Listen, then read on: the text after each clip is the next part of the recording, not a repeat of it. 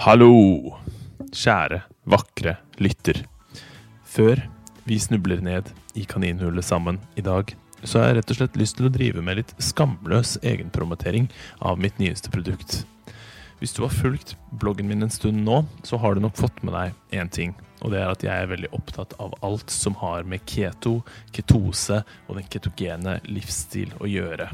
Ettersom dette hadde en såpass enorm påvirkning på mitt liv. I fire år har jeg studert dette emnet, og jeg har eksperimentert masse på meg selv. I den tiden har jeg tilegnet meg et hav av visdom rundt hvordan å få et slikt kosthold til å passe inn i ens liv.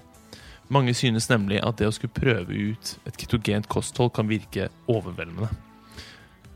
Det å sette seg inn i hvordan alt fungerer, og det å faktisk implementere det inn i sin travle hverdag på en enkel måte, uten å gjøre feil, virker som en stor oppgave. Heldigvis så har du meg her, som har gått ned den stien, og som nå har samlet all min oppsamlede kunnskap inn i en enkel, praktisk e-bok. Jeg kaller den Smør-Jesus ultimate keto-guide. I denne guiden går jeg nøye gjennom hvorfor keto fungerer slik det gjør, på det fysiologiske plan. Jeg gir en tydelig oversikt over hva du kan spise, hva du ikke kan spise, hvordan du skal unngå keto-influensa, hvordan du kan måle om du er i ketose, hvordan du kan navigere deg gjennom det sosiale med denne nye livsstilsendringen din, og jeg har til og med en guide til alkohol. Yes! Du har fortsatt muligheten til å være med på en fest, selv om du velger å forbrenne fett som drivstoff. Og hvorfor er det verdt å teste ut et keto-kosthold? Vel, det å forbrenne ketoner som drivstoff øker, enkelt forklart, den metabolske aktiviteten i hver enkelt celle i kroppen din. Så det vil si at når cellene dine da jobber mer effektivt, vil kroppens evne til å helbrede seg selv øke, og du vil få en bedre helse.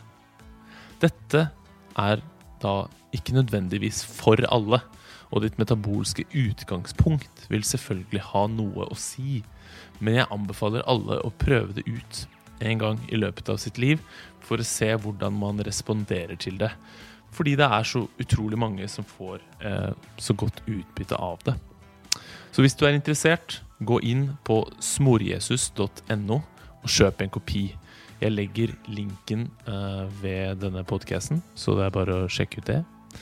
Eh, og ved å gjøre dette, så vil du også støtte det jeg holder på med, slik at jeg kan fortsette å gjøre det jeg elsker, som er å formidle kunnskap og hjelpe folk mot en mer optimal helse. Hvis du av en eller annen grunn ikke har lyst på Smør-Jesus ultimate keto-guide, men du fortsatt ønsker å støtte det jeg holder på med, fordi du ja, kanskje synes det er utrolig kult, og du får en eller annen nytte eller verdi ut av det, så kan du vippse meg et ønsket beløp til 567666 Keto Syversen. Det setter jeg utrolig pris på, og det gir meg masse motivasjon til å yte mitt beste. Ok, nok prat fra meg. La oss ramle ned i kaninhullet i dagens episode. Så vi er på en måte gjensidige katalysatorer for hverandre. Ja. Og, og eh, gode menneskemøter eh, er med på å forvandle oss til noen bedre mennesker, tenker jeg. Eh, og det er jo helt sentralt også i alle mysterieskoler. At du, du forvandler deg selv, og da vil du også forvandle de du kommer i berøring med. Du går ikke inn politisk for å forvandle liksom samfunnet, storsamfunnet, på en sånn stor ytre skala utenifra og inn. Men du forvandler samfunnet innenifra og ut. Ja. Det er noe helt annet. Det et helt annet prosjekt. Velkommen skal de være Smørjesus Smør-Jesus og kaninhullet.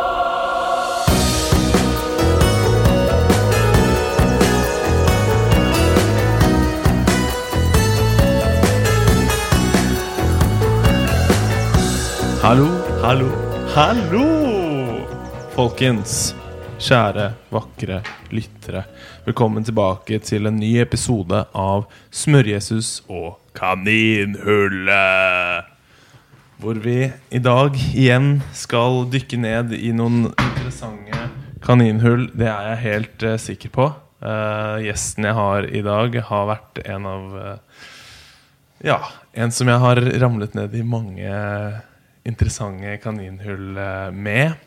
Hver gang jeg møter han, så er det alltid et nytt, spennende tema å reise ned i. Han faren til en veldig god venn av meg, og som kanskje noen av dere også har blitt litt kjent med, som var på en podkast tidligere.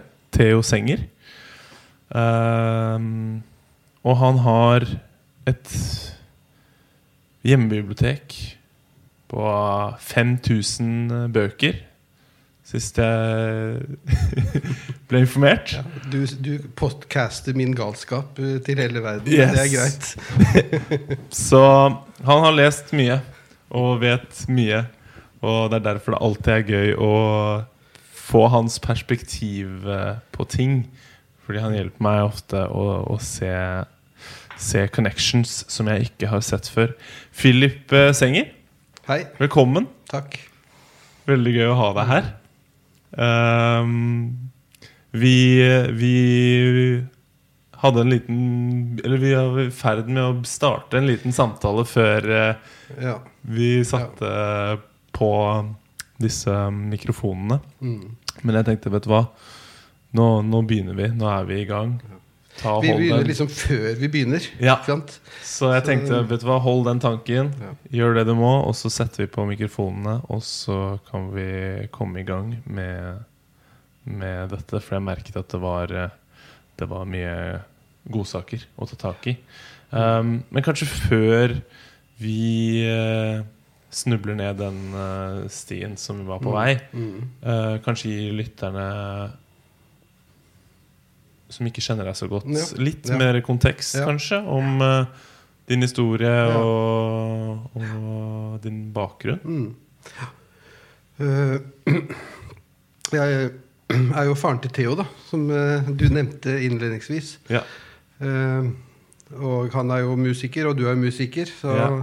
vi traff jo hverandre på den måten der eh, Yes. gjennom Theo.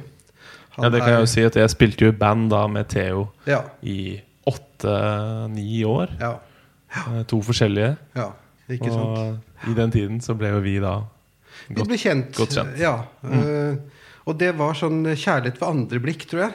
Første, Mm. første blikk eh, da det tok, det tok litt tid. Men sånn eh, kjærlighet ved andre blikk var det nok. Ja, Ja. ikke sant? ja.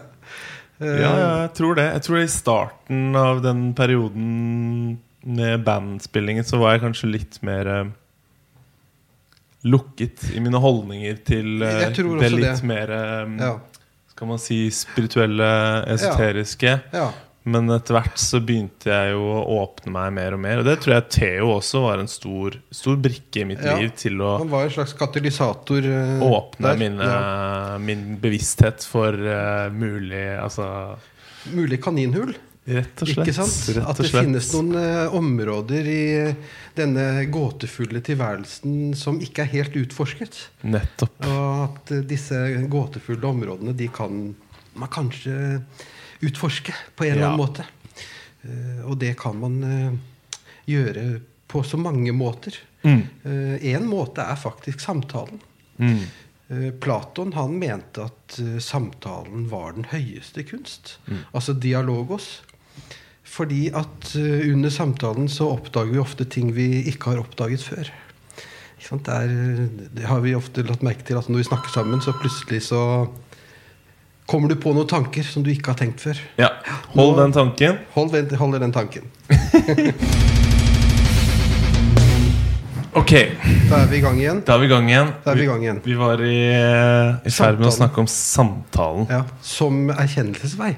Og Ikke sant? eh, du nevnte Platon. Jeg nevnte Platon eh, fordi at eh, Platon eh, sier jo det at dialogos, eller samtalen, han regnet det som den høyeste form for kunst. Og det ser vi jo på en måte på den sokratiske samtalen. Altså Sokrates som jo på en måte stiller de riktige spørsmålene og, og setter det perspektivet frem på en slik måte at den han snakker med, oppdager noe han har oppdaget før. Eller vet fra før av. Altså det anamne anamnesen. eh, Dette, denne samtalen som på en måte avslører noe vi egentlig har visst hele tiden. Ja. Men som vi ikke har vært helt klar over. Ikke sant? Så, så jeg setter jo samtalen uhyre høyt. ja. Uh, og jeg tenker at det er en slags erkjennelsesvei også.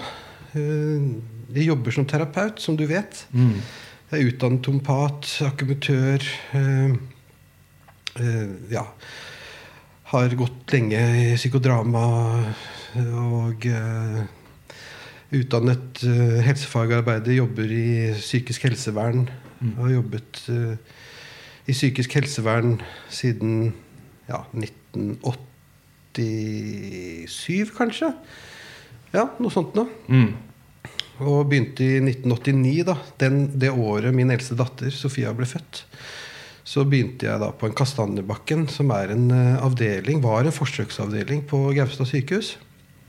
eh, hvor vi ga psykoterapeutisk tilbud til alle pasientene som kom inn på vår avdeling. Så dette var på mange måter en kontroversiell avdeling. Veldig annerledes enn alle andre avdelinger på Gaustad. Eh, Med det selvfølgelig med det resultatet at det også var en del rykter om denne avdelingen.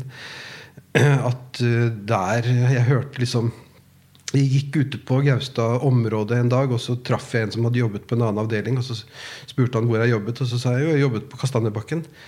Oi, jobber du på det reiret der? Sånn. Røyker ikke pasienter og personalet personale hasj sammen? Ja. Og så sa jeg nei, selvfølgelig gjør de ikke det. Det er det dummeste jeg har hørt. Men, eh, men sånne rykter gikk det altså fordi at den var annerledes. Eh, Vi tenkte litt annerledes, og alle som jobbet der, ble ganske godt eh, kjent med psykoterapeutiske metoder, spesielt psykoanalytiske metoder. Jeg gikk selv i analyse et år, eh, lang tid, eh, for å lære noe av den metoden. Når du sier psykoterapeutisk, altså Kan du utdype litt? Hva, hva, hva slags på en måte, metode Altså, det er jo samtalen, da. Ja, ikke sant? Det er jo det. det er jo samtalen. Eh, og eh, gjennom samtalen så skal jo den eh, Kanskje begge to komme fram til en slags ny erkjennelse. Da er det en en Ja. god samtale. Det er en god samtale. Så jeg, jeg tenker at enhver vellykket terapi, så vil også terapeuten nå til noen nye erkjennelser. Både om seg selv, men også om den andre. Og forhåpentligvis vil den andre også nå til noen nye erkjennelser om seg selv. Så eh, for meg så er dette her eh, Det er et personlig møte. Det terapeutiske møtet er på mange måter et personlig møte. Hvor man eh, møtes som mennesker, først og fremst. eh, Og eh, sekundært som profesjon og klient. Så det å komme inn i gode samtaler er for meg helt sentralt uh, i all terapi. Enten jeg jobber i privatpraksis som ompat uh, eller uh, på sykehuset, som jeg jobber. da. Ikke sant? Ja. Men eh, så har jeg også studert eh, esoterikk. Eh, Det er selvfølgelig ikke alle som vet hva det er for noe. Men på mange måter så er det en slags skjult idéhistorie eh, som uh, har blitt overlevert fra munn til øre.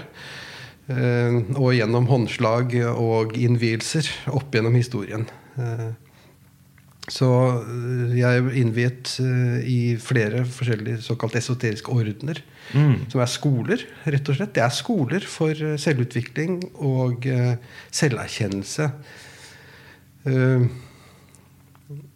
For at det er på en måte nøkkelen til å forstå større sammenhenger i livet.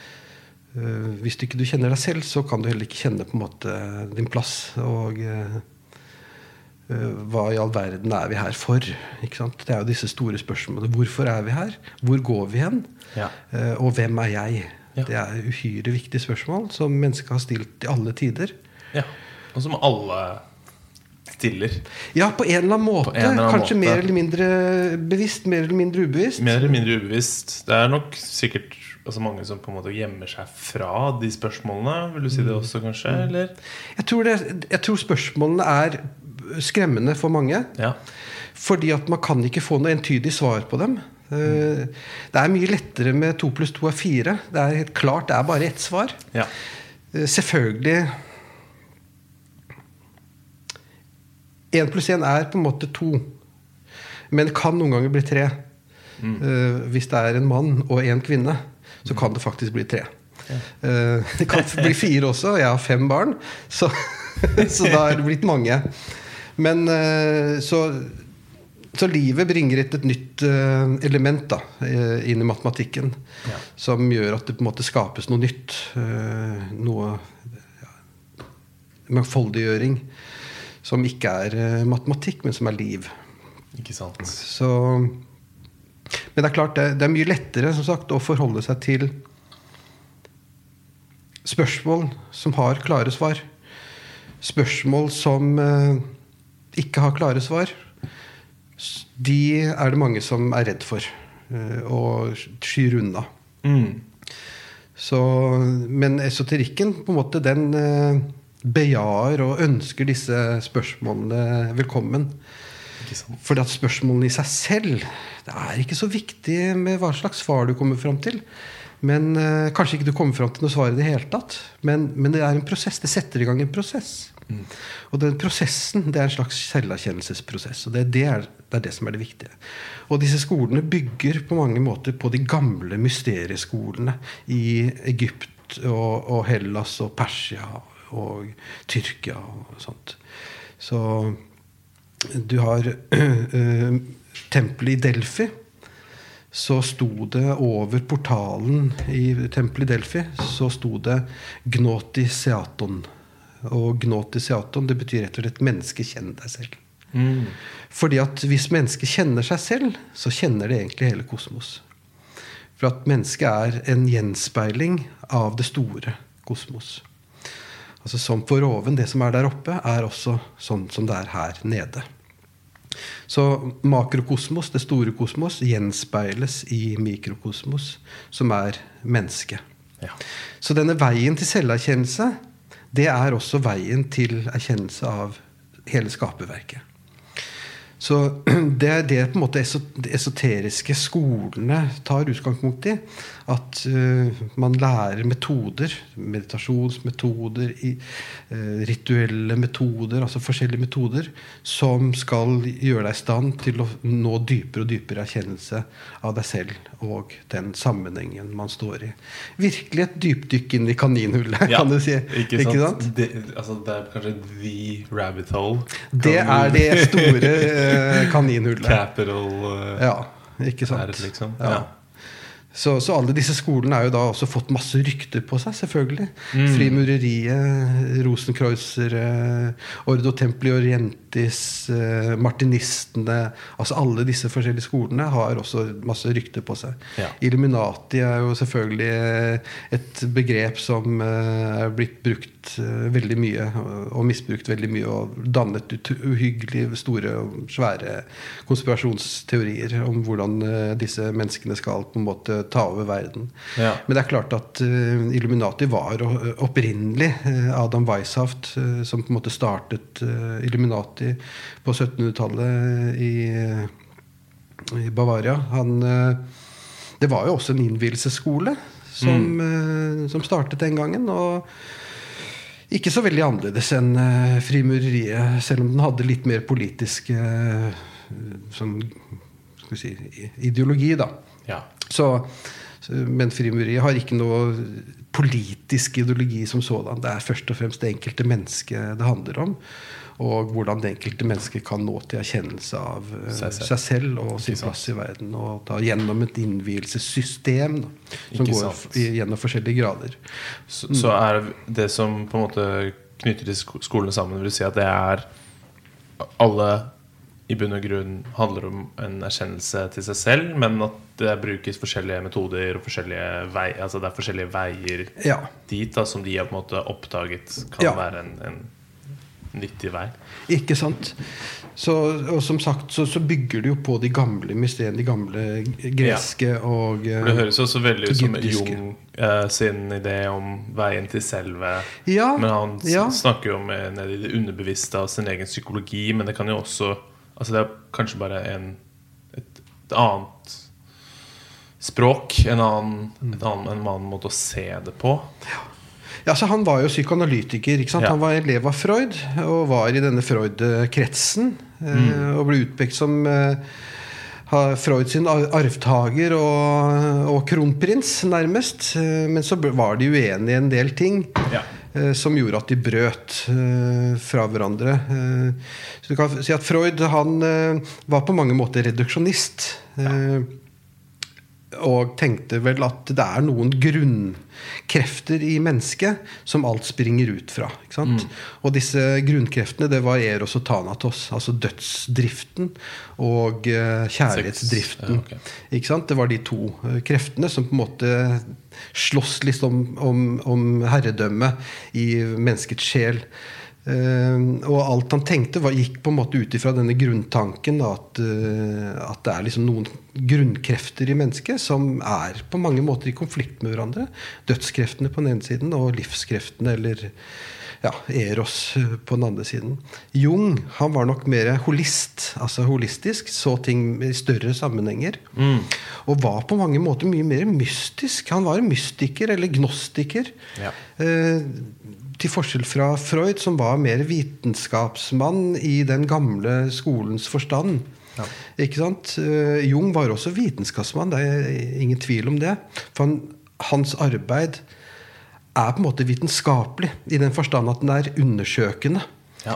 Han, han undersøker sin egen syke, han undersøker pasientenes syke. Ja, og kommer fram etter hvert til visse hypoteser og tanker og ideer om hvordan mennesket er skrudd sammen. Ikke sant? Og han han- er jo også sånn en enorm sånn uh, Hva skal man si Hans evne til å sitere, Mm. selv om det kanskje er fra liksom urgamle religiøse tekster, på en måte, så er hans tilnærming veldig vitenskapelig. Og det merker Ja. man veldig når man leser bøkene, selv om det er på en måte eh, om religiøse temaer eller, Mm. eller den slags, da, som er litt mer skal man si, esoteriske. Eller? Ja, ja. Bare for lytterne som sitter og hører på dette her, Ja. så kan man jo skille litt, bare for, gi noen begrepsavklaringer. Ja, og i og med at vi bruker slike begreper som esoterikk, som er ukjent for veldig mange, så kan man godt si at esoterikk er en slags motsetning til det eksoteriske. Og det vil si at alle religioner har en slags ytre lære som er tilgjengelig for folket. Den ytre læren den kaller vi for den eksoteriske lære. Ok. Eh, Og så er det en skjult lære, en indre lære, som på en måte ikke er tilgjengelig for alle, men er kun for de som på en måte innvies i mysteriene. Og de kalles for den esoteriske lære. Altså mm. esoter Esoterikken er på en måte for innvide. Så i dag så bruker folk begreper eh, litt sånn om hverandre. I hvert fall innenfor de kretsene jeg eh, rusler og går i. Så bruker man liksom okkultisme, esoterikk, eh, åndsvitenskap altså Disse begrepene brukes litt sånn om hverandre. Ja. Men ofte så er det bare nyanseforskjeller. Altså det, er, det er en forskjell mellom, esoterikk, okkultisme og åndsvitenskap. Åndsvitenskap. Mens Ja. Men det er på en måte for nerder, altså. Det, de, og det å liksom differensiere mellom disse tingene. Men det er greit for lytterne å vite at, at når vi snakker om esoterikk, esoterikk, så snakker vi på en måte om en slags skjult lære som har vært i Europa i alle tider, nærmest. Eh, og selv urgamle kulturer har eh, såkalte hemmelige selskaper. Ikke sant? Eh, Aboriginals eh, hadde sånn dreamtime hvor de eh, hadde nærmest transedans og sang og musikk. Og hvor man på en måte besøkte drømmetiden, da, som er liksom den tiden som ligger bak hele skapelsen. Eh, afrikanske kulturer har hemmelige selskap. Uh, og uh, da, som sagt, Egypt og Hellas spesielt. Jeg nevner de to uh, hovedsakelig, selv om vi også har røtter i det arabiske og det persiske. og sånt, så er spesielt eh, Hellas og Egypt viktige mysteriekulturer. da, Som har gitt viktige impulser til det som da senere i Europa ble disse ja, skal vi si, hemmelige selskapene som eh, blomstret opp på eh, 15-, 16-, 17-, 18- og 1900-tallet. Eh, De har liksom røttene tilbake i det, da. Men de eh, esoteriske skolene som jeg er med i, der er det både kvinner og menn. Eh, I frimureriet så er det jo bare menn. Ja. Og mange lurer på hvorfor i all verden er det bare menn. Mm. Og det er nok fordi at de bygger på maskuline mysterier, mens de mysteriene som jeg har jobbet med, er universelle mysterier som på en måte ikke er knyttet opp til om du er mann eller kvinne. Så de ordene som jeg er med i, så er, er det både kvinner og menn. Eh, Hvis du skal gå liksom enda dypere inn i det, eh, bare for en kort forklaring, forklaring, så så bygger på en måte frimureriet, i hvert fall sånn mytisk sett, så bygger det på byggingen av eh, Salomos tempel eh, i eh, Jerusalem, i Israel. Eh, Og eh, de mysteriene som var blant hebreerne den gangen, det var mysterier som var for menn. Ja. Så røttene til på en måte frimureriet ligger eh, i byggingen av Salomos tempel. Eh, Hiram Abif, som er på en måte arkitekten da, som skulle bygge dette tempelet, det var på en måte maskuline mysterier. Ja. Mens eh, de mysterieskolene jeg er med i, der eh, bygger det mer på det egyptiske og greske. Og i både Egypt og Hellas så var eh, kvinner og menn likestilt. Ja. Der var det både kvinner og menn som kunne bli ja, eh, hierofanter eller ypperste prester eller hva du vil i disse mysterieskolene. Så det var ingen forskjell da, på kvinner og menn. Så det har litt forskjellige linjer. Selv om vi behandler mye av de samme mysteriene, så har det litt forskjellige linjer. Ja. Så det er nok noe av grunnen til at det er bare menn i frimureriet, mens det er eh, både kvinner og menn i Rosenkorsorden og, og andre, disse andre ordene som jeg er med i. da. Skjønner. Ja, kan det være at de, disse mer, eh, At de fokuserer mer på ja, de, som du sier, da mannlige Kanskje ikke mannlige, men maskuline, arketypiske Ja, det kan du godt si. Og det er jo en måter. Forskjell der i på en måte det maskulines rolle og det feminines rolle. Men om man burde skille det på menn og kvinner, er jo på en måte Det er jo en helt annen diskusjon. Det er en helt annen diskusjon, ikke sant? Det, Men, uh, det kan at- føre oss ned i et annet rabbithull. Ja. Så, Vi har mye annet morsomt vi kan snakke om, tror jeg. Men uh, men det er viktig. på en måte. Ja. Det, er, det er et viktig Absolutt. spørsmål. absolutt. Absolutt. Og, eh, og det er klart at uh, vi ser jo at uh, det at de skolene som jeg er med har både kvinner og menn, jeg syns det er en veldig stor fordel. da. ja. Uh, Det er en balanse som jeg setter pris på. Ja. Eh, Man kan ha eh, Ja. Og, og de, de har liksom de samme rollene, da. Sant? Det, er- det er på en måte kjønnsnøytralt. Det er kanskje det jeg prøver å si. Ja. At, det liksom Vi, vi snakket Vi var på vei litt eh, Snakket om Freud uh, Nei, Jung. Jung, ja. Mm. uh, og hans på en måte skille fra Ja, fra Freud. Ja, ja, han er nok mer holistisk. At han tenker mer helhetlig. Ja. Og uh, Freud var jo Nei, Jung, altså både Freud og Jung. Men, mens Jung var jo veldig opptatt av kultur og religion. Ja. Ikke minst. Eh, han eh, ble etter hvert også veldig opptatt av både gnostisisme og kabbala. Og, eh, og hermetisme og alkymi. Kanskje spesielt alkymi.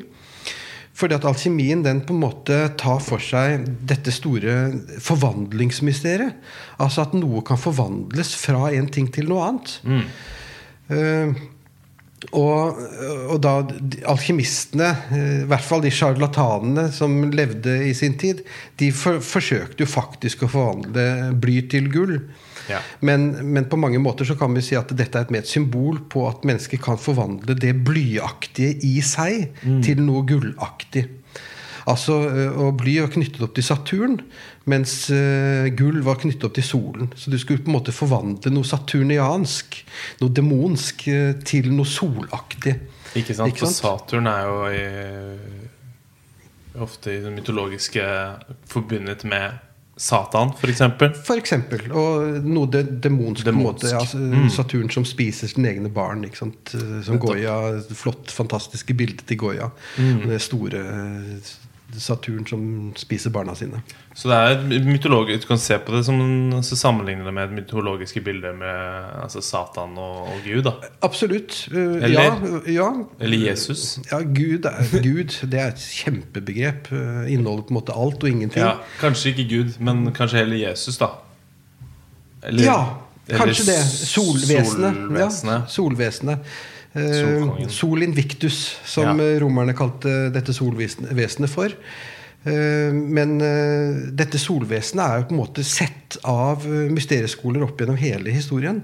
Eh, I hvert fall fra det gamle Persia, hvor eh, Zarathustra og den Senda Vesta-religionen så at det var en kamp da, mellom Ariman, som var på en måte det mørke vesenet, og eh, Ahura Masta, som var solvesenet. Og dette solvesenet som de beskriver, eh, det er veldig nært eh, den beskrivelsen av et slags Kristusvesen som et solvesen. Ja. Eller Dionysus i de greske mysteriene. Eller Osiris og Horus Ja. i de egyptiske mysteriene, som også er solvesener. Selv om da Osiris blir på en måte dødsrikets gud, så er det allikevel to aspekter som viser seg i Horus som et solvesen, som sønnen til Osiris. Ja. Og uh, Osiris da som på en måte er en slags mørk uh, gud, men den mørke solen. Han er ikke ond, sånn som Sett, som Nei. er liksom broren til uh, Horus. Som er liksom den onde guden i den egyptiske gudelære eller mytologi. Så, så det kan du godt si at, at det er en slags kamp da mellom dette solvesenet eh, og eh, det saturnianske, blytunge. Ja. Uh, og dette Er det good, altså den uh, good versus evil ja, Det er den eldgamle kampen mellom godt og ondt, Uh, som, som jo på en måte alle mennesker er en del av. Ja. Og som vi kjenner inni oss hele tiden. Vi har alle en djevel på den ene skulderen og en engel på den andre. Eller beina i helvete og hodet i himmelen. Ja. Så er, vi er liksom stadig i den kampen da, eh, Yes. inni oss. Eh, Og at det er det, tror du det er det disse mytologiske tekstene, historiene er, At det er en, en, en skildring av et psykologisk eh, Ja, Spill? Eh, ja. Eh, eh, hvis du reduserer det til bare psykologi, Ja, så er det for for meg eh, feilaktig. For jeg tenker at det handler ikke bare om psykologi. Eh, fordi at mennesket er ikke bare psykologi. Vi er også en kropp. Og, og vi er um, Vi er en del av en større helhet, en større verden. Og når vi forvandler oss selv, så forvandler vi også den omkretsen vi står inni. Så for meg så er det alkymiske prosjektet, det å forvandle det blyaktige til det solaktige, eller det bly til gull, mm. det er å forvandle både seg selv, men også den omkretsen man står i. Altså verden som sådan vil forvandles når du forvandler deg. Ikke sant? If you want to change the world, change your head, and the rest will come after. Ja. Synger jo David Allen i Gong, The Band of Gong. Ja. Uh, og der har han på en måte satt uh, slags sånn alkymisk preg på teksten sin. Ja. At skal du forvandle verden, så må du forvandle hodet ditt, og da vil resten av verden også forvandles. eh, Yes. eh, sammen med det. Og det er ikke bare det at du forvandler synet ditt på verden, men jeg tror verden faktisk endrer seg. Så det er ikke det at det bare er et psykologisk eh, eh, hendelse, men at det er blant annet Det vil jo være det òg, men det er Det vil være det vil også, ja. ha en? En, en kanskje mer konkret også forvandling på en måte på verden i seg selv. Ja. Det, Mm. tenker jeg. Og der er jo denne fantastiske historien om, om kong Midas, som jo hadde dette øns store ønsket at han, eh, at han ønsket at alt han tok, skulle bli gull. ikke sant? Ja. Og så, ja, Det var en tragisk historie, egentlig. For at han, det, det var ikke noe særlig når alt du tar i, blir gull. Selv din kjære blir en gullstatue. Og maten du skal spise, blir til gull. Men det er allikevel et atymisk eh, bilde da, Mm. på at når du forvandler deg selv eh, og kommer i berøring med andre mennesker, eh, så er du en sånn forvandlende kraft også på andre. Og du nevnte det helt sånn innledningsvis. At det var ditt møte med Theo og deres samtaler og sånt nå, eh, satte i gang noen prosesser i deg. Altså Han virket som en slags katalysator. Hvor du begynte å stille spørsmål og begynte å åpne opp for ting i deg som du kanskje hadde latent i, boende i deg, men som du enda ikke helt, var kommet i berøring med. Og jeg er helt sikker på at du også har forvandlet han. Altså Du også har på en måte påvirket han. Det vet jeg at du har. Ja. For at han har blitt mye mer opptatt av kosthold og av alle disse tingene som du er opptatt av, gjennom kjennskapet med deg. Så vi er på en måte gjensidige katalysatorer for hverandre. Ja. Og, og eh, gode menneskemøter er med på å forvandle oss til noen bedre mennesker, tenker jeg. Eh, og det er jo helt sentralt også i alle mysterieskoler. Du, du forvandler deg selv, og Ja. da vil du også forvandle de du kommer i berøring med. Du går ikke inn politisk for å forvandle liksom, samfunnet, storsamfunnet på en sånn stor ytre skala utenifra og inn. Men du forvandler samfunnet innenfra og ut. Ja. Det er noe helt annet. Et helt annet prosjekt enn å prøve å forvandle liksom, samfunnet ved å gå inn sterkt i politikken og, og, og forvandle det på en måte utenifra og inn. Med regler og lover og Bestemme påvirkning og bestemmelser. Bestemme hvordan folk skal holde seg innenfor disse reglene. Nettopp. Og ikke sant, adlyde disse. Nettopp. er det egentlig ikke en indre forvandling som har skjedd, og de har egentlig ikke tatt til seg på en måte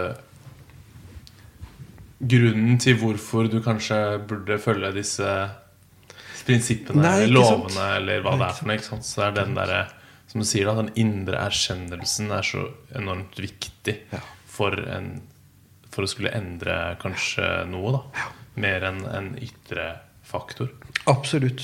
Du kan forvandle ting innenfra og ut. eh, og du kan forvandle det, prøve å endre det utenfra og inn. Ja. Jeg tror at eh, det å forvandle det, prøve å forvandle det utenfra og inn, det kan ha store virkninger veldig raskt. Men det har ingen, ingen virkning over lang tid. Disse mer langsiktige endringene de skjer alltid. Hvis vi ser på det, så skjer det som regel innenfra ut, og, Ja. og, og ut. Ikke sant? Ikke og, og mer fra, fra bunnen til Nettopp, opp enn fra topp til Ja. bunnen. da Og, og, og vi har jo noen prosjekter. Eh, Vi kan jo se på historien. Mm. Vi kan se på nazismen. Det var et forsøk på å forvandle noe utenifra og inn.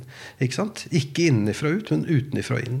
Eller eh, kommunismen i Russland. Mm. Det var også et forsøk på å forvandle samfunnet utenifra og inn. Yes. Men det fører ikke noe sted. Altså, det fører bare til bestialitet og diktatur. Og mens uh, denne forvandlingsprosessen som skjer inni hvert enkelt menneske, det er en revolusjon som går mye, mye langsommere. Men det er en revolusjon. Ikke sant? Ja. Og da kan man bruke eksempler som sånn Gandhi eller Martin Luther King. Altså Absolutt. enkeltindivider som har gjort et indre arbeid, og som på en måte bare går frem som eksempler, og på den måten Mm. eh, gir folk muligheten til å kanskje ja, oppdage noe i seg selv Ja. som skaper en indre endring, og som får folk til å kanskje bli med. da Mm. Uh, vil, du si, vil du si det sånn? Ja, ja absolutt. Mm. Absolutt. Jeg er helt, eh, helt med der.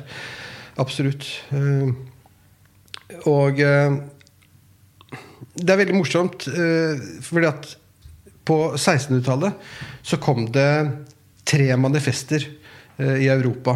De kom fra Tübingen-kretsen, altså Tübingen i Tyskland. Og da kom det tre manifester om at det fantes et eh, skjult broderskap i Europa. Og de inviterte på en måte lærde å ta kontakt med dem for å bli innviet i deres mysterier. Eh, Og det første manifestet det het Fama fraternitatis. Eh, altså Fama er en gudinne som blåser i et horn når det begynner å komme en fare. Mm. og i Europa på den tiden så var det stor fare. Kirken hadde enormt stor makt eh, og var egentlig på krigsstien overfor alle gnostikere, mystikere, esoterikere. Eh, Og eh, keiser Rudolf han hadde holdt en slags sånn beskyttende hånd over disse mystikerne og esoterikerne i Europa, og alkymistene i Europa. Men så døde jo han. Så da var det på mange måter stor fare for at eh, katolisismen, kristendommen, på en måte skulle Ta kvele, kveletak på, på denne frie tanken da, som på en måte fantes innenfor disse kretsene. Så da kom da det første manifestet, som heter Fama fraternitatis. Og så kom det et annet manifest litt senere, som heter Confesso fraternitatis. Fraternitatis betyr broderskap. Da. Og så kom det siste manifestet, som het eh, Det alkymiske hokseit, eller kymiske hokseit. Altså det, det alkymiske bryllup. Og disse manifestene beskriver da dette Rosenkorsordenens eh, tilstedeværelse i Europa. Og de inviterer da eh, lærde til å ta kontakt med dem nettopp for innvielse. Men før det er også knyttet et lite skrift eh, til dette, disse manifestene. Dette lille skriftet regnes ikke som et av manifestene, men, eh, men det ble ofte gitt ut samtidig som det. Og, og det omhandler på en måte Hellas syv vise, eller Grekenlands syv vise, som har eh, gått opp på fjellet Parnassos, og der diskuterer de Europas skjebne. Og de mener da at Europa er syk. Eh, Europa er på vei til å dø, nærmest. Eh, Og de diskuterer frem og tilbake om hva de skal gjøre for noe eh, med Europa. Og de kommer da med forskjellige løsninger. En Thales, f.eks., og Solon er der. Også mange av disse gamle filosofene. Og en sier at nei, det er, det er av at folk er så grådige. Eh, At de vil ha gull og er grådige. Derfor, det er derfor eh, Europa er sykt. Eh, Og vi må fjerne all rikdom. Vi må fjerne all verdi. Det er liksom løsningen. da og en annen mener at nei, det er pga. Uh, løgnen, og at man skjuler ting. Uh, og da mente han at kanskje man skulle åpne et eh, rom eller åpne et vindu i brystet på ethvert menneske, slik at alle kunne se dine innerste tanker hele tiden. At det var på en måte løsningen. Uh, og en tredje mener at det er kvinnenes sin skyld. Og da kaster alle seg ned til bakken og roper at man må spare kvinnene. og så eh, kommer de da til slutt fram til at det er egentlig ikke noe å gjøre. Man må bare se om verden kan gå sin skjeve gang, og om den vil dø. Men det de kommer fram til, er at hvert enkelt menneske må finne en slags frelse i seg selv. En forvandling av seg selv. Og gjennom det å forvandle seg selv, så vil de kanskje også kunne forvandle noe som de står i, altså deres omkrets. Så de forteller jo egentlig det som vi har vært inne på nå. Ja, ja, ja. Ikke sant? Så spennende. Eh, allerede der eh, på 1600-tallet, i denne lille skriftet. da Ja. så en reformasjon der Gansen Welt eh, et eller annet Jeg husker ikke hele tittelen på det skriftet. da Men, eh, men det er ganske morsomt. eh, Og det, det kommer med en slags løsning. Nemlig Ja. at det er, hvert enkelt menneske må på en måte ta ansvar for sitt eget liv. Ja. Og se om man, han eller hun kan forvandle noe liksom blyaktig i seg selv til noe gull. Nettopp. Ja. Det er eh, Jeg har lyst til å snakke litt også om dette med Fordi jeg husker jeg var på en forelesning med deg om magi. Men for å bare fylle på det du sa nå, så er det sånn, tror, en av bøkene til Jung så er det et forord hvor han mener, snakker om at det, det er, han mener oppriktig at det er et samfunnsansvar. da Dette her med denne individueringsprosessen.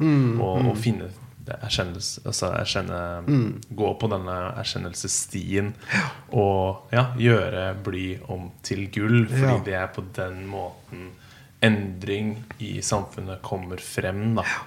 Uh, så Og jeg, jeg også føler veldig på den. Mm. Så jeg føler har jo Mitt fokus ligger derfor mer, mer der Mm, enn f.eks. i det politiske, Ja, som, ja. som jeg egentlig er- ikke er så veldig engasjert i. Litt av fordi jeg Altså, jeg skal ikke si at det er helt Hva skal man si?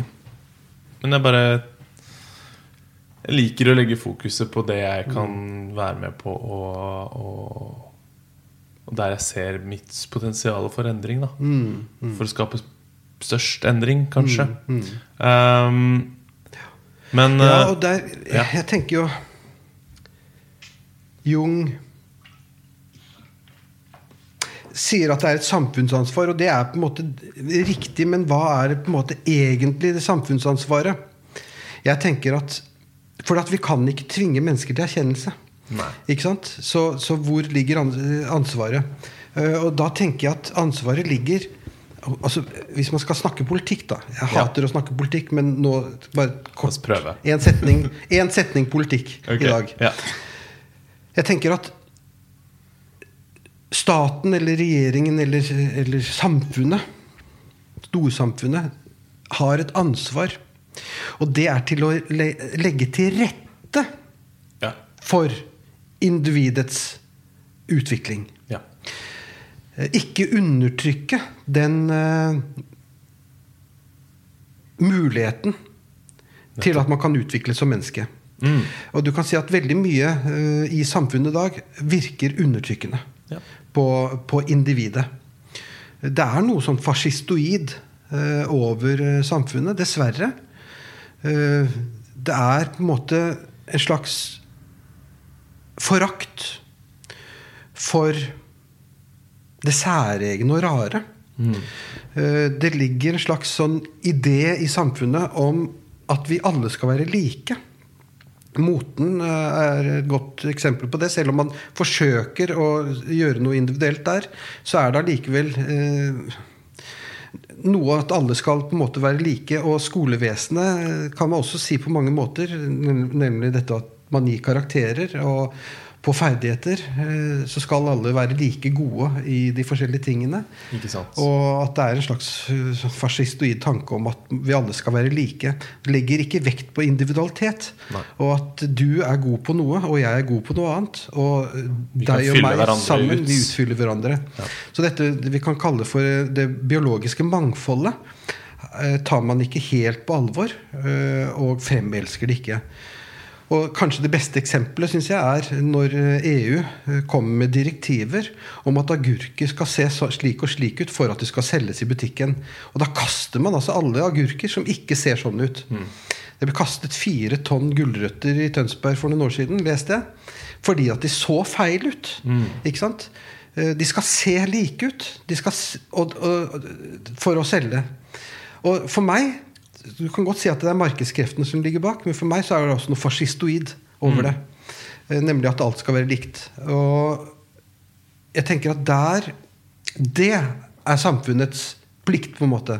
Ja. Å fremelske individualitet. Og på en måte ta individet helt på alvor. Og uh, legge til rette for at vi hvert enkelt menneske skal kunne utvikle oss ut ifra oss selv.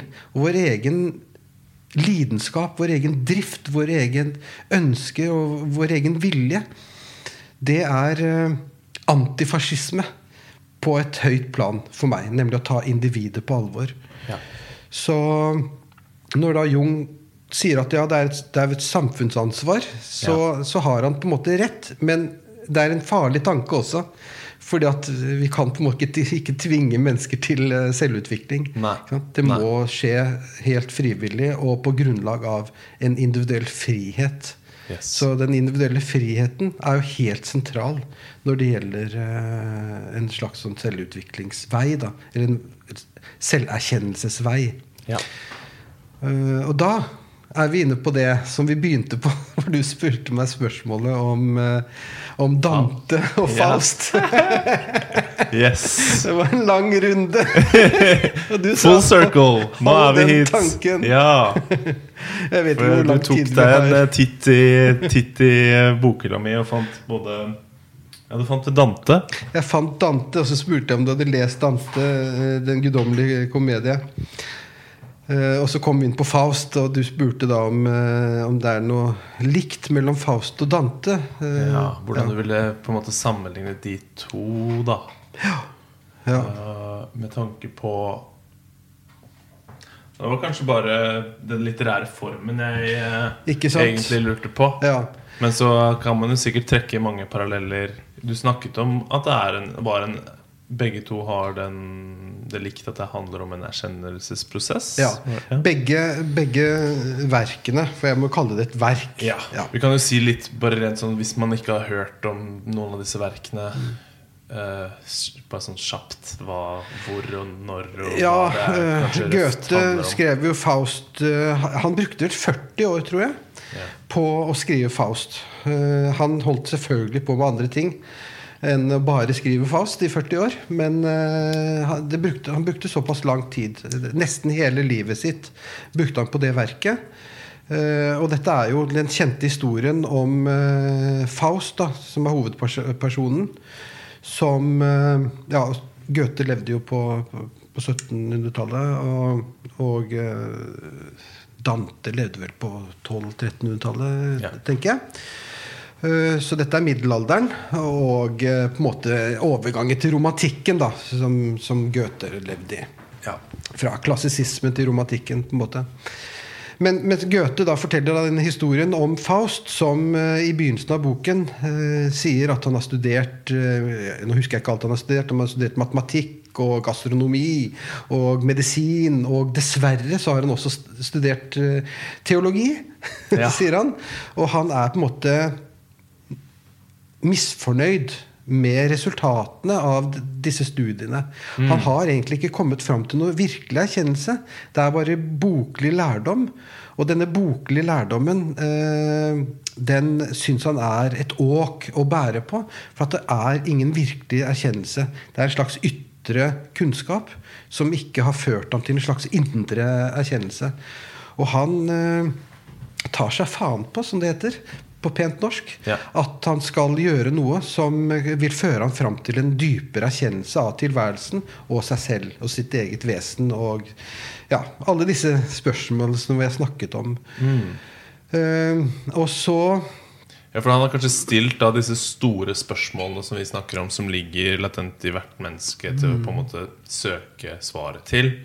Og tenkt at hans metode for å nå dette vil jo være bare å kunne lese seg frem til det på en måte gjennom kunnskap, kanskje, i seg selv, uten noe Altså uten noe direkte Hva er det jeg sier? Kunnskap, da. ja, Kunnskap vil, vil gi meg svar, på en måte. Men, men så ender han opp tomhendt. ja, på et vis. På den-? Han på den ender stien. opp tomhendt, ikke sant. Eh, Og så bestemmer han seg for det? Ja, han, han bestemmer seg for at uh, Ja, altså han, han gjør hva, han, hva som må til Ja. for at han skal kunne komme fram til en slags så dypere viten, dypere erkjennelse av tilværelsen. Og om det så er magi han skal bruke. ikke sant? Uh, han tenker liksom at magi er egentlig noe sånn dårlig ting å, å, å bruke. Men, men om det så er det, så skal han i hvert fall bruke hva, hvilken metode som er tilgjengelig da, for å komme nå, nå fram til en dypere erkjennelse. Så, så begynner han med magi, rett og slett. Han er en magiker. Og så inngår han dette berømte vedde... Eller eh, han inngår en slags avtale med djevelen. da Mefisto, eller Mefistofeles. Så Mefistofeles blir på en måte hans eh, psykopomp. Utfordrer og leder han eh, på veien til selverkjennelse. Og en psykopomp. En psykopomp er eh, en skikkelse som eh, du møter på eh, en slags sånn åndelig erkjennelsesvei. Okay. Eh, Det kan være i form av et dyr eller et menneske eller et vesen som på en måte går sammen med deg eh, på din eh, innvielsesvei. Skjønner. Så, så for Goethe, eller for Faust, da, så er på en måte Mephistopheles er på en måte en slags psykopomp. Eh, han vandrer sammen med han. Man har jo utfordrer han jo også og gir han dårlige råd. Eh, slik at han på en måte sårer jo det ene mennesket etter det andre. Også Gretchen, som han elsker høyt. Som han jo sårer dypt, da. Så litt som eh, Som hva heter han norske Per Gynt. Ja. Som også er en erkjennelsesvei. eh, Hvor han også sårer jo eh, hun som han elsker. Som elsker han. Da. Uansett. så er da uh, Mefistofeles en slags psykopomp. Uh, og så går han gjennom en innvielsesvei. Begynner uh, med liksom disse magiske tingene som han arbeider med. Og etter hvert så merker du at han går og trer over en terskel. Og så kommer han inn i en slags eterisk, åndelig verden. hvor han kommer i kontakt med sylfider, som er luft, luftånder. Undiner, som er vannånder. Og gnomer, som er jordånder. Og salamandere, som er ildånder. Altså, han kom, og kontakt med heksene og mødrene. Mødrene er noe sånn abstrakt eh, som eh, åndsvesener som man på en måte kommer i kontakt med. Og gjennom disse denne veien da, så når han slags fram til en eh, slags erkjennelse. Og, eh, men prisen er jo at han har på en måte solgt sjelen sin til djevelen. da. Ja. Ikke sant? Eh, Men djevelen må dessverre bite i det sure eplet. Fordi at Faust har på mange måter ofret alt. Men han har, det er én ting han ikke har ofret. Og det er hans kjærlighet til det evig kvinnelige. Det er det som redder han, og som gjør at han ikke kommer da til helvete. Som Mefistos eh, fange på mange måter. Ok, men det var for Faust og Dante. Det er jo Jeg har gjerne lyst til å snakke litt mer om eh, symbolikken i, i Faust. Men jeg vet ikke om vi skal gjøre det fø- først. Ja, vi må se på Du, du bestemmer tiden her. ja, ja, ja. Jeg, hvis du har en eh, time til, så i hvert fall. Så Vi sitter og snakker en time til, ja. Vi må se hva vi, Vi kan får finne se på. hvor, Ja. hvor lenge vi klarer å holde ut. Ja, Kan du si litt om Dante, da, så kan vi eventuelt gå tilbake til ja vi, Faust? kan, vi kan gjøre det. Eh, Dante beskriver jo også en, en reise. Ja. Eh, og denne reisen går på en måte gjennom eh, helvetes ni kretser. Fantastisk beskrivelser. Eh, så han Dante er jo på mange måter en, en veldig visuell, imaginær forfatter.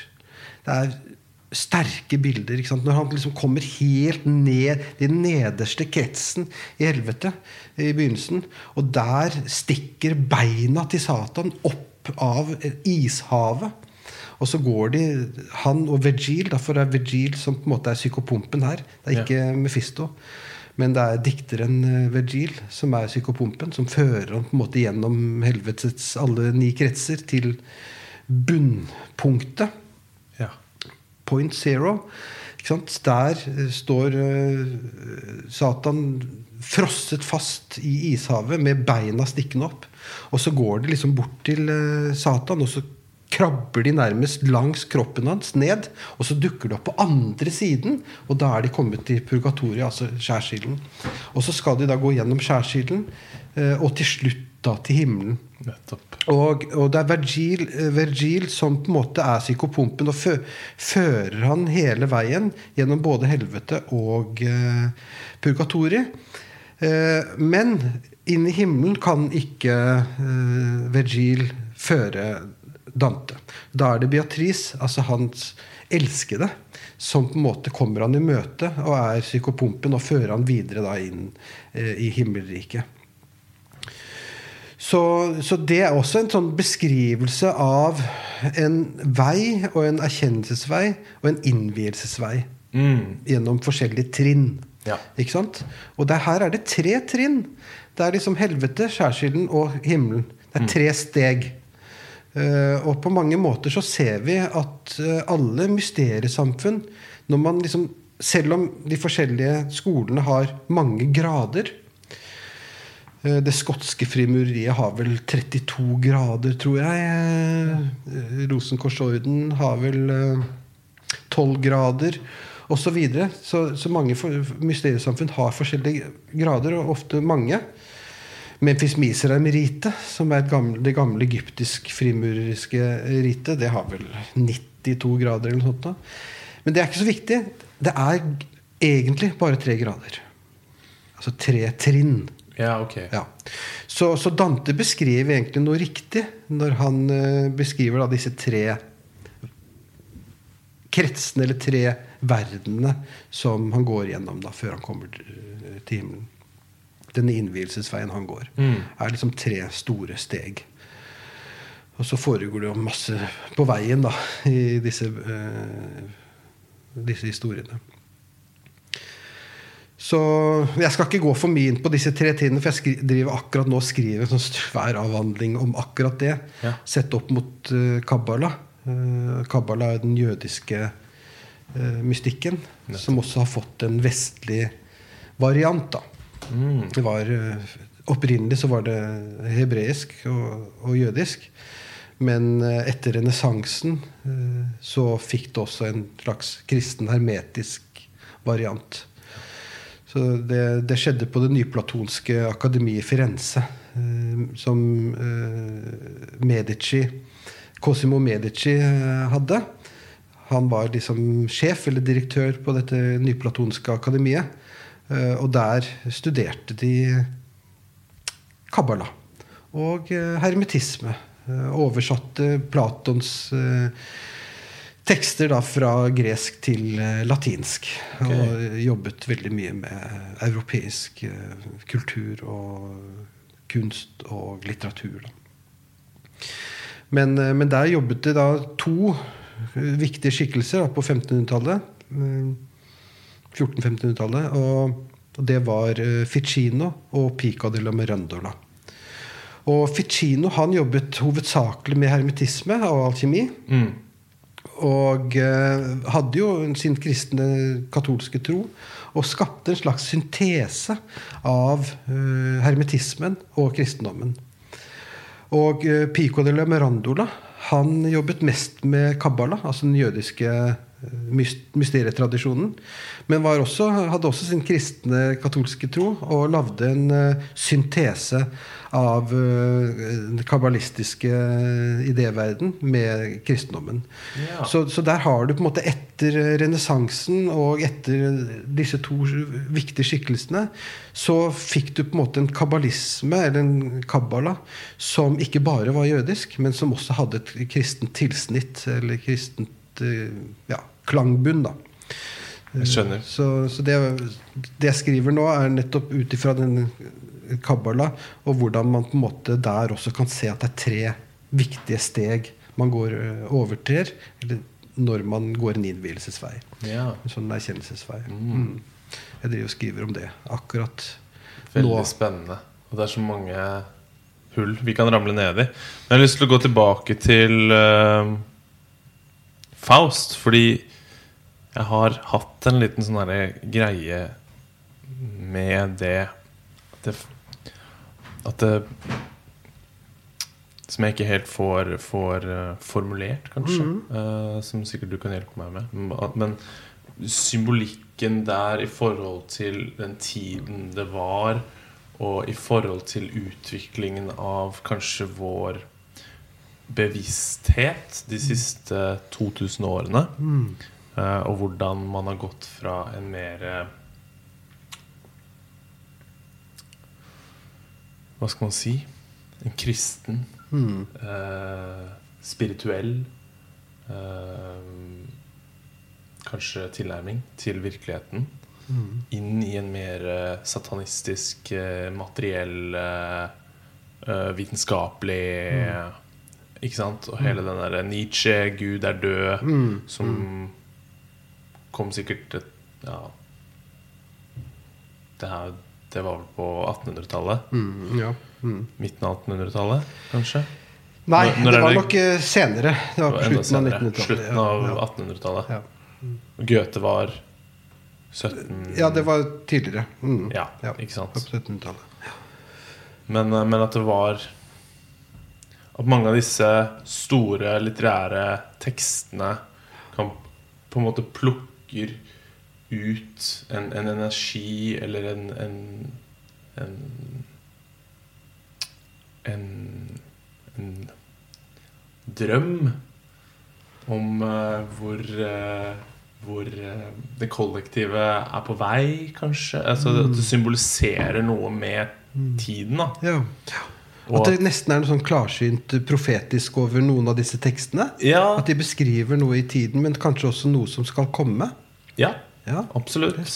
Mm. Og at jeg tror det var Nietzsche grunnen til at den sitaten også er, kanskje er veldig blitt så kjent, er jo fordi den pekte på noe veldig konkret som representerte den tiden, kanskje. Ja, absolutt. Men at, det, men at man, man kan se det litt gjennom historien de siste 2000 årene. At det har vært et skifte Mm. i kanskje hvordan vi, vi tilnærmer oss virkeligheten. Med tanke på ja, at vi har kanskje glemt da, mange av de tingene som vi snakker om nå. Veien til selverkjennelse. Mm. Vår evne til å altså uttrykke magi, da. Mm. Eh, gjennom å ikke sant? endre oss selv, så vil vi kunne endre det og vår lille omkrets som Mm. befinner seg rundt oss. Eh, at vi har gått mer fra en kanskje sånn forståelse at vi er en del av noe sånt, til Mm. å bli mer detached Mm. fra det, da. Ja. Og se på verden med en mer eh, ja, materialistisk eh, Mm. Reduksjonistisk eh, syn. Ja. Det er, det er veldig interessant det du kommer inn på der, eh, Trym. Det er eh, Og jeg tror du har helt rett. At eh, mennesket var mer knyttet opp til omkretsen. eh, til eh, kulturen, samfunnet, den åndelige verden, ikke minst, før. Og så har vi på mange måter falt ut av det. Gjennom det at vi har blitt mer og mer individualiserte. Så har vi også falt på en måte ut av sammenhengen. Vi har liksom sunket dypere og dypere inn i oss selv på et eller annet vis. Eh, Det er ikke, vi trenger ikke gå så veldig langt tilbake i tid hvor eh, du som sønn av en far fikk det samme yrket som faren din, f.eks. Du, det var uhørt at hvis du var vokst opp i en kristen eh, familie, at du skulle velge en annen tro. Ikke sant? Eh, det ble altså bestemt hvem du skulle gifte deg med. Og vi har på en måte fått større og større frihet. Nå kan vi velge hva slags eh, livssyn vi eh, vil ha eller ønsker. Mm. Vi kan velge hvem vi gifter oss med, og vi kan velge yrke. Så, så sånn sett har vi fått større og større frihet. Vi har blitt mer og mer individualisert. Så på mange måter Denne friheten som vi har vunnet, den har på mange måter gått på bekostning av mening. Fordi at mening, det var lagt i samfunnet, i omkretsen. Det var meningen at du skulle bli skomaker hvis du var sønn av en skomaker. Det var meningen at du skulle bli lege hvis du var sønn av en lege. Ikke sant? Der lå meningen. Det lå meningen at du skulle føre familietradisjonen videre. Familienavnet var veldig viktig. Ikke sant? Eh, Så du var liksom mye mer sammenvevet med den klanen eller det samfunnet du var i. Uh, og og uh, uh, også det, det Den sosiale statusen blir også ofte overført ikke sant? fra familie til barn. Mm. Veldig vanskelig å på en måte stige i den sosiale statusen på den tiden, eller bare noen hundre år tilbake. Mm. Men, men det kan man gjøre nå. altså. I dag har vi såkalte nyrike. Det er folk som har steget i sosial status av eget arbeid. Eller egen kriminalitet. Det spørs hvem vi snakker med. Mm. Men uansett. eh, Man kan på en måte tilkjempe seg en retning som du gjør ut ifra din egen individuelle frie vilje. da. Mm. Ja, I større grad enn det man eh, kunne gjøre før. Og jeg tenker også at man før Hvis man går Du snakker 2000 år tilbake. Det er lang tid tilbake. Ja. Da tenker jeg at man var mye, mye sterkere sammenvevet med den åndelige verden. Mm. Eh, Den gangen så var guder og engler og demoner helt reelle ting. Mm. Jeg, jeg tror at eh, det som vi kaller for myter, det er beskrivelse av realiteter. Ja. Åndelige virkeligheter som man, som man var sammenvevet og knyttet opp til den gangen. Det var ikke tomme ritualer som ble gjort. Det var ritualer som hadde en direkte virkning på sammenhengen mellom mennesker og guder. Og så har vi på en måte falt mer og mer ut av denne sammenhengen. Blitt mer og mer individualisert. Falt inn i kroppen, Ja. hvis man kan bruke et sånt eh, begrep. Og falt inn i materien. Så vi har jo, hvis du ser Den gangen så hadde de stor kunnskap om den åndelige verden. Eh, Men de hadde en liten kunnskap om den materielle verden. Og så har vi fått større og større kunnskap om den materielle verden. Ikke sant? All, teknologi, all teknologi vi omgir oss med, er jo et resultat av den økte kunnskapen som vi har fått om den materielle verden. Ja. Men denne økte kunnskapen om den materielle verden den kunne vi ikke fått hvis ikke vi også hadde falt mer og mer inn i kroppen. Eh, hvis vi kan tenke oss et slags jeg, som er et åndelig jeg, Ja. som synker ned i dypere og dypere inn i kroppen, og dermed får en større og større kunnskap og erkjennelseskraft Mm. til å erkjenne hvordan den materielle verden er skrudd sammen.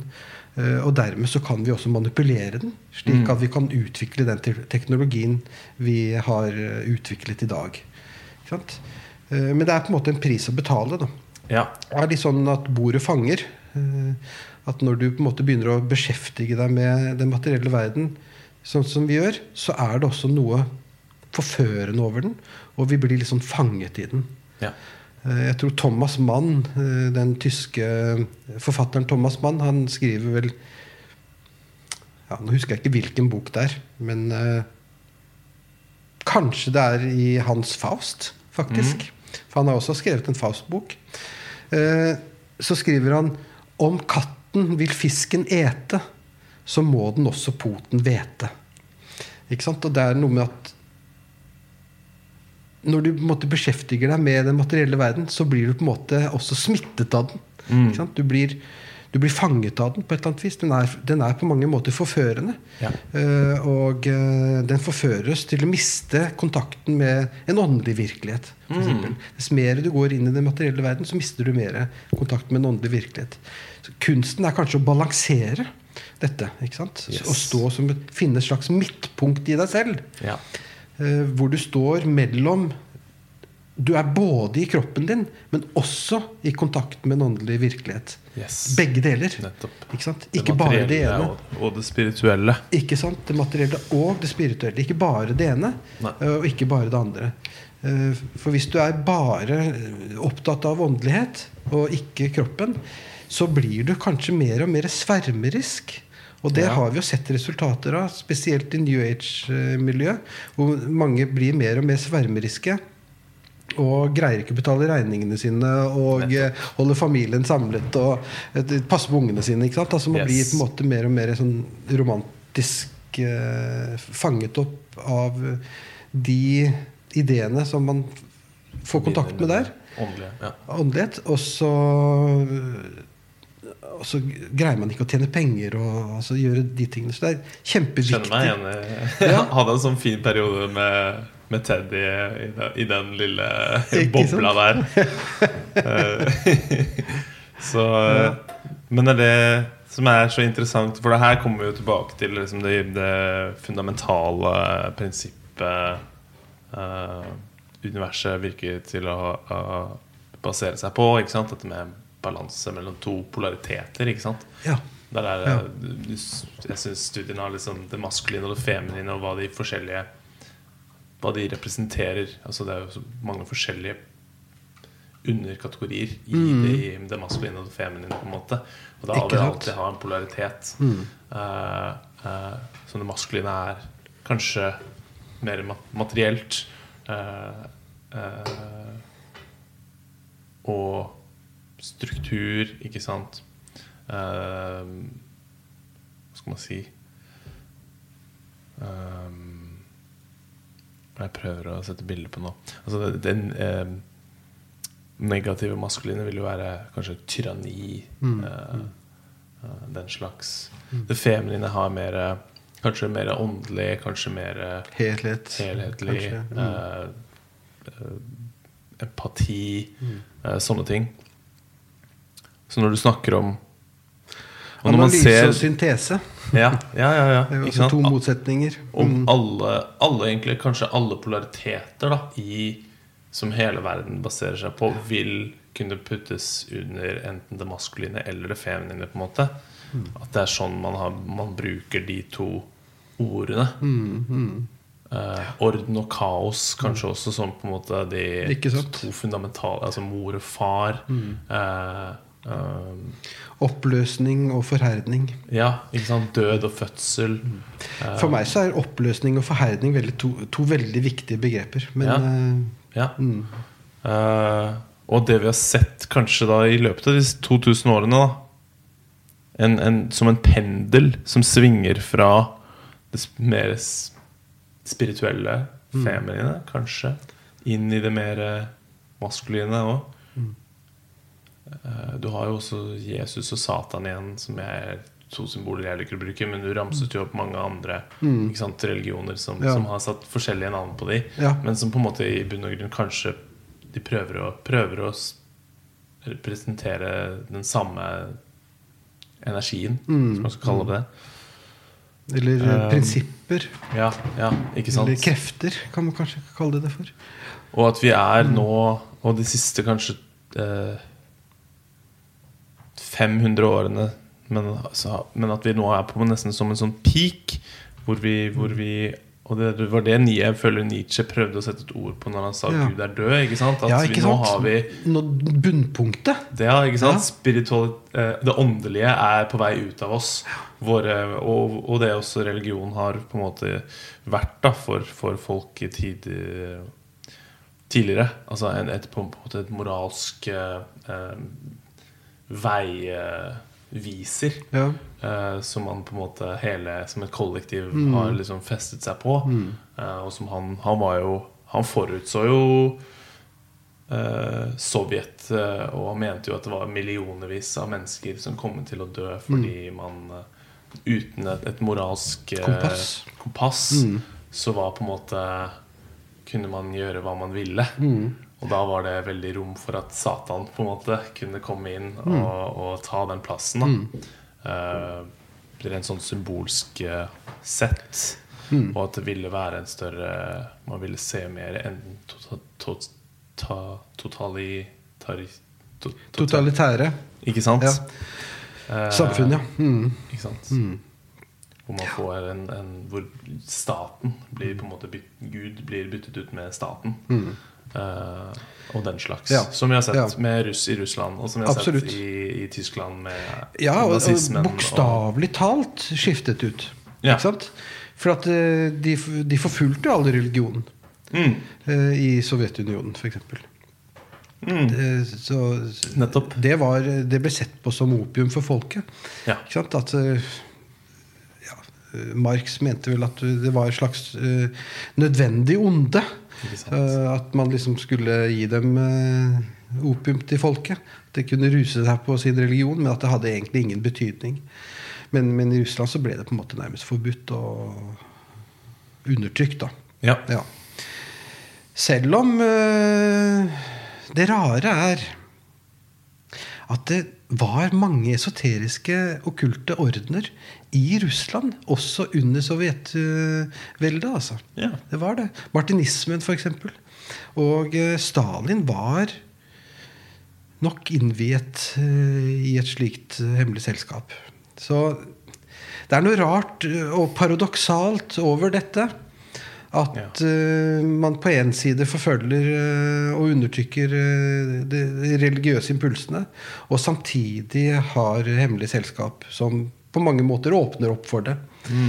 Så, så det er litt sånn paradoksalt. Men, men det er riktig. Gud er død er en slik setning som Nietzsche sa. For på en måte å fortelle noe om hvordan i hvert fall Europa og Vesten mm, Ja. Hadde kommet fram til et punkt hvor den åndelige verden At vi hadde mistet eh, den åndelige verden av syne. Ja. Ikke sant? Eh, og hadde sunket så dypt inn i materien at den åndelige verden eller ikke var erkjennbar for mennesket. Det betyr at den ikke er der, men at den ikke er kjennbar for oss. Uh, og så kommer jo Gud da etterpå og sier at Nietzsche er død. Og det, det var jo riktig. Han døde jo før Gud. så Stemmer. det var eh, Guds hevn på, på Nietzsche. Oh yes. Ja. Og han ja, døde en ganske En grusom død. Grusom død. Ja, han døde, døde en grusom død. Det var vel eh, Jeg har hørt at det er litt sånn delte meninger om hva han faktisk døde av, men, men eh, den mest offisielle begrunnelsen er vel at han døde av syfilis, rett og slett. Ja. Det, det er den mest offisielle. Jeg har hørt forskjellige teorier på det. Rudolf Steiner, faktisk, som er en stor esoteriker, eh, han kom jo og besøkte Nietzsche på hans dødsleie. Han gjorde det, og, og ble bekjent med Elisabeth eh, Nietzsche, altså eh, søsteren til Nietzsche. Og ble egentlig spurt av søsteren til Nietzsche om han ikke ville jobbe i Nietzsche-arkivet. På samme måte som han hadde jobbet i Goethe-arkivet. For eh, Rudolf Steiner han eh, var en stor filosof. Hans bok eh, 'Frihetens filosofi' er en fantastisk bok som jeg har lest åtte eller ni ganger. Før han ble på en måte esoteriker. Da. Han var nok esoteriker helt fra, helt fra starten, da, men det var først sånn offisielt først etter at han fikk kontakt med Teosofisk samfunn, at han ble esoteriker. Da. Men, eh, og utviklet da etter hvert det som ble antroposofien. Grunnlaget for Steinerskolen, blant annet. Ja. Men Rudolf Steiner var i kontakt med, med Nietzsche. Eller Nietzsche var ikke kontaktbar. Han lå i sengen og, og sov og, og var på dødsleiet. ja.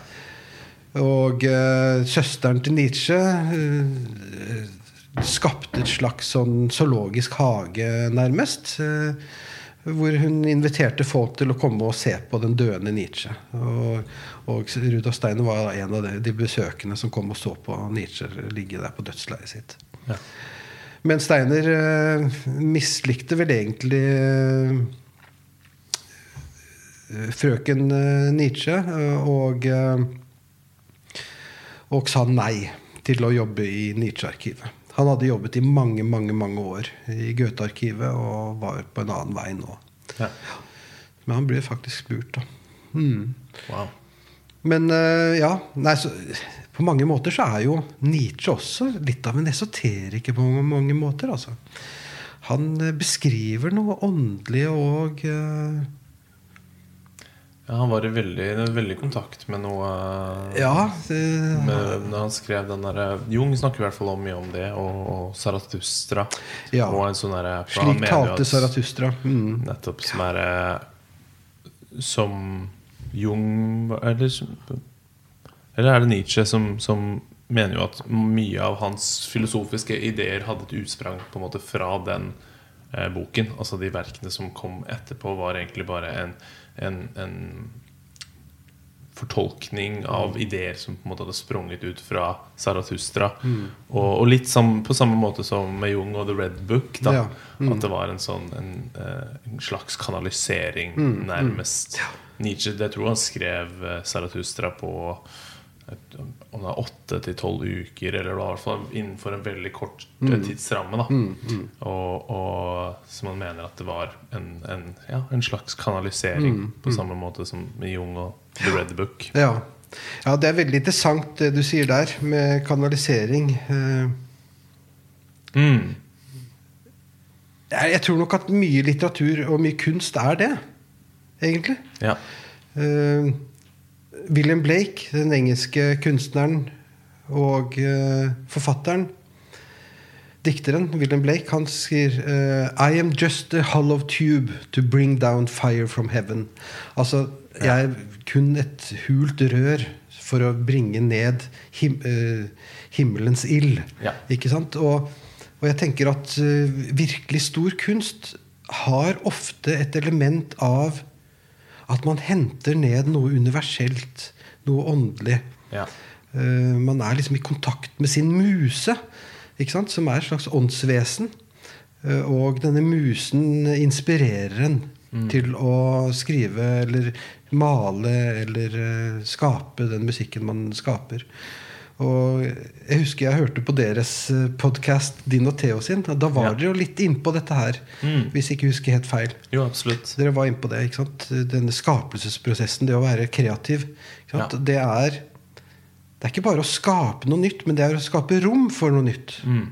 Like mye som å skape noe nytt. Ja. Øh, og jeg tror nok at vi har noen sånne rare, morsomme eksempler øh, på at det finnes noen ideer som på mange måter kan sies å være universelle eller åndelige, og som et individ kan hente ned. Mm. Uh, og det, et godt eksempel, syns jeg, da, det er at uh, Newton og Leibniz, den tyske filosofen Leibniz, de fant en matematisk formel på samme tid. Og så kranglet de resten av livet om hvem som hadde stjålet den fra den andre. Mm. Eh, saken er at de fant den faktisk samtidig. Eh, og det er en eh, engelsk-indisk psykoanalytiker som heter Wilfred Bion. Han sier at den krangelen deres var helt, på mange måter helt unødvendig. Fordi at, som han mener, da, så var det It's a thought looking for a thinker. Altså det er en tanke som leter etter en tenker. At det finnes altså noen tanker, eller noe tankematerielle, eller eh, materie, eller eh, tankestoff, eh, eller ideer, Er det en idéverden? eller i en idéverden. Platon, på en måte? Ja, ja, ikke så langt unna Platon. Nei. Noe arketypisk Ja. som er noe universelt, og som forskjellige mennesker kan hente ned samtidig. Sånn som Leibniz og, og Newton gjorde. Uh, altså I'm just a hollow tube to bring down fire from heaven. Ikke sant? Altså at det, det er du, du på en måte henter ned noe. Du kanaliserer noe. noe. Så Nietzsche da kanaliserte kanskje uh, Zarathustra, eller slik talte Zarathustra, og Jung, The Red Book. Ja. Uh, og det er mange slike, slike bøker uh, som nok har det elementet ved seg. Ikke sant? Men det er klart at det blir jo individualisert hos individet. Det er jo bare Nietzsche som kunne skrevet slik Zarathustra. Sånn Ja. som han gjorde. Selv om han henter ned noe universelt, og noe som treffer oss alle. Mm. På litt forskjellig måte, men det treffer oss alle. Uh, bildene til uh, Rafael eller bildene til Leonardo da Vinci eller uh, Rembrandt, det treffer oss på en måte. Ikke sant? For det er noe universelt i dem. Ja. Men det har også noe individuelt ved seg. Noe som kun den ene personen kan gjøre. Nettopp. Litt annerledes med matematikk, for det er enda mer universelt. Det har ikke det individuelle ved seg. Nei. To pluss to er fire, uansett om du er japaner eller kineser eller europeer. Yes. Eh, eller om du har cerebral parese, eller om du eh, har eh, en pollenallergi. Så er to pluss to fire. Det endrer seg ikke ut ifra individet. Eh, men, men kunst, det har alltid eh, noe individuelt ved seg. Eh, og det skal ha noe individuelt ved seg. Hvis ikke det har det, så er det kanskje ikke kunst. Da er det Nei. kopiering av noe annet. Ikke sant. Hvis det, er univers altså hvis det bare er universelt? Nei, Ja, eller- eller- ja. For nå bare tenker jeg på liksom de polene igjen, da, og, som jeg er så besatt av.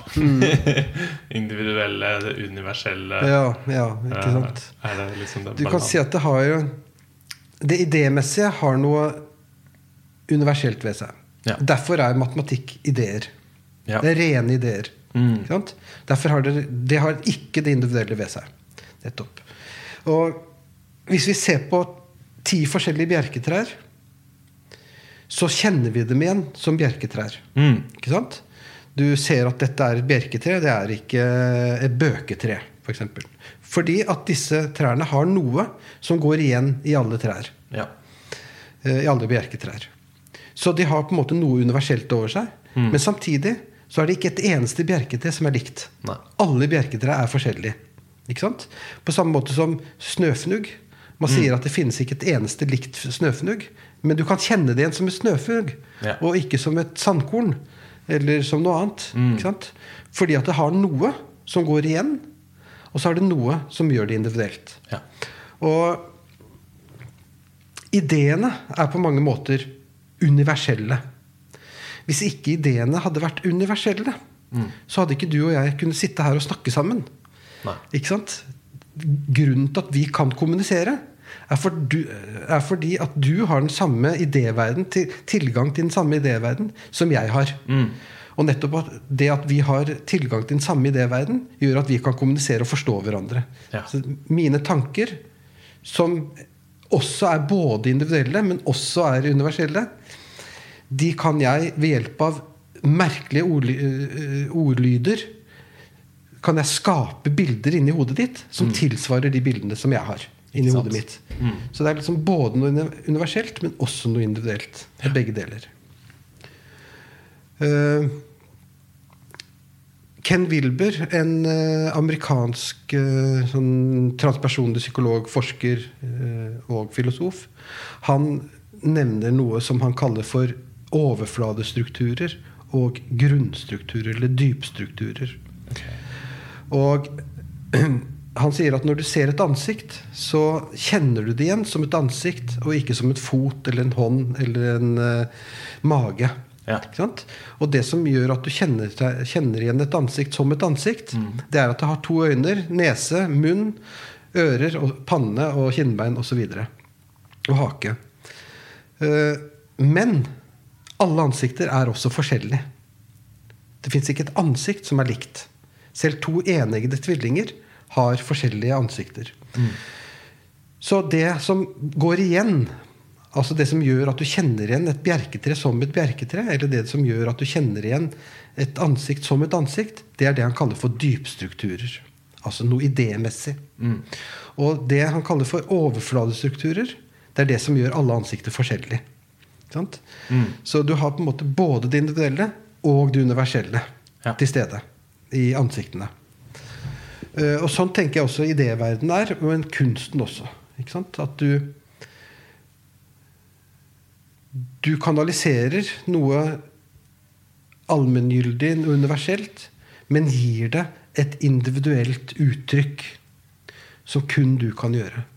Ikke sant? Og derfor så sa jo også Picasso at der hvor det finnes noe å stjele, der finner du meg.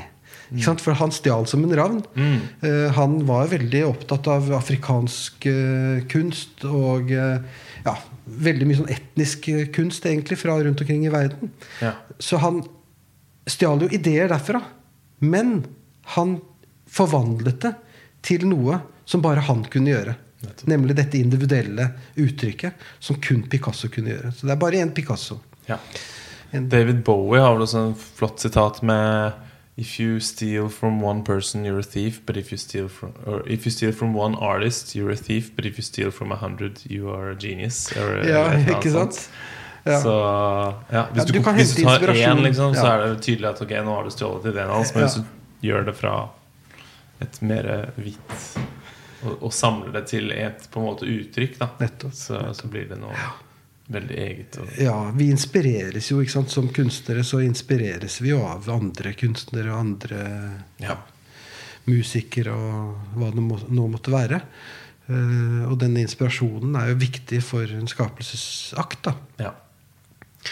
Uh, men det er dette at du gjør noe helt eget, da, som er eh, nettopp deg selv. Et uttrykk for deg selv. Mm. Og det er noe som kjennetegner mennesket, tenker jeg. Eh, I veldig mye større grad enn dyr, f.eks. Nettopp dette at mennesket har en så dyp trang i seg selv til å uttrykke, eksternalisere, en indre verden ut i den ytre verden. Eh, Du har også kunst, eksempler på kunst hos dyr, dyrene. Mm. Det fins bl.a. noen fisk som eh, lager et mønster eh, på bunnen eh, av sjøen eller havet.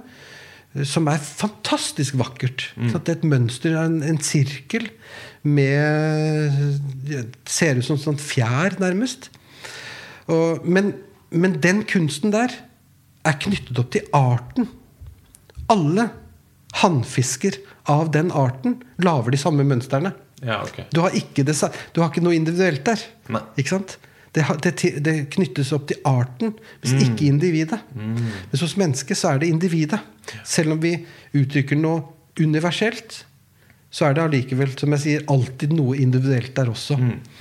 Så det eh, tenker jeg er noe helt spesifikt menneske, som er en av de tingene som skiller oss fra dyrene. Nemlig denne enorme trangen til å uttrykke uh, verden i kreativt, eller den indre verden i et kreativt arbeid. Ja. Skape musikk, skape litteratur, skape dans, skape bilder eh, Ja.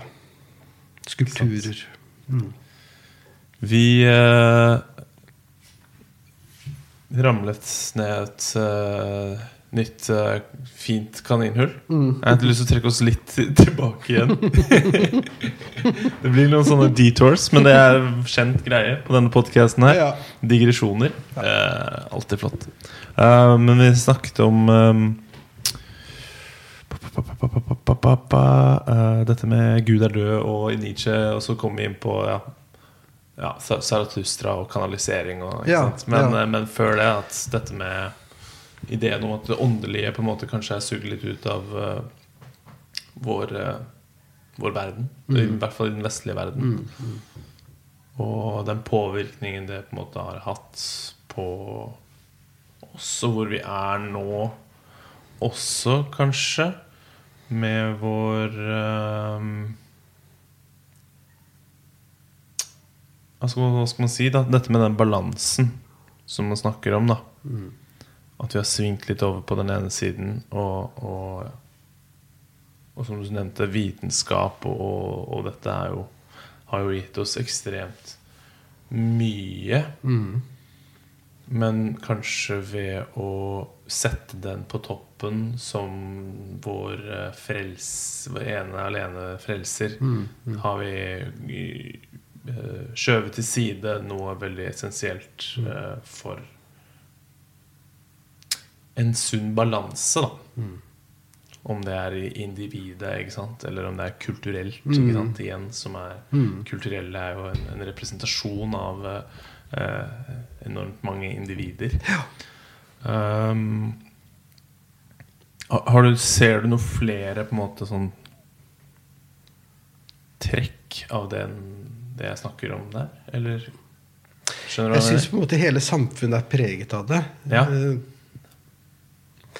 Og du sa at vi ramlet ned i et nytt kaninhull. Egentlig så er det samme kaninhullet yeah. vi er i. Okay. Fordi at eh, nettopp dette universelle og indi- individuelle eh, handler om egentlig det samme. Mm. Ikke sant? Eh, vi har nok falt ut av en sammenheng hvor vi også var i en sammenheng med gudene, eller sammenheng med en åndelig virkelighet. Og mer og mer inn i kroppen, mer og mer inn i en materiell forståelse av eh, virkeligheten. Materialisme. Ja. Eh, Det vi har vunnet ved det, er at vi har vunnet en slags dypere jeg-følelse. Mm. At jeget har en frihet. Jeget har en verdi i seg selv. Dette begynte jo med renessansen. Ikke sant? Med humanismen. Humanismen begynte allerede i renessansen. Og det var jo på en måte erkjennelsen av at individet har en verdi i seg selv, som var startpunktet til humanismen. Fordi at Kirken hadde på en måte en slags definisjonsrett og en definisjonsmakt på hva som var viktig og verdifullt. Eh, Og Kirken bygget sin autoritet på det de kalte for den apostoliske linje.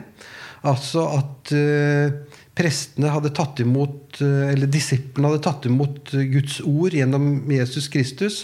Og så hadde det gått da i arv videre til eh, prestene, og så videre til eh, ja, kirken da, og paven osv. Så, videre.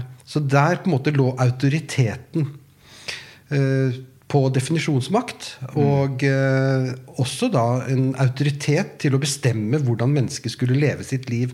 Hva man skulle tro på, og hvordan man skulle leve sitt liv. Og så kom humanismen, og så sier humanismen at nei.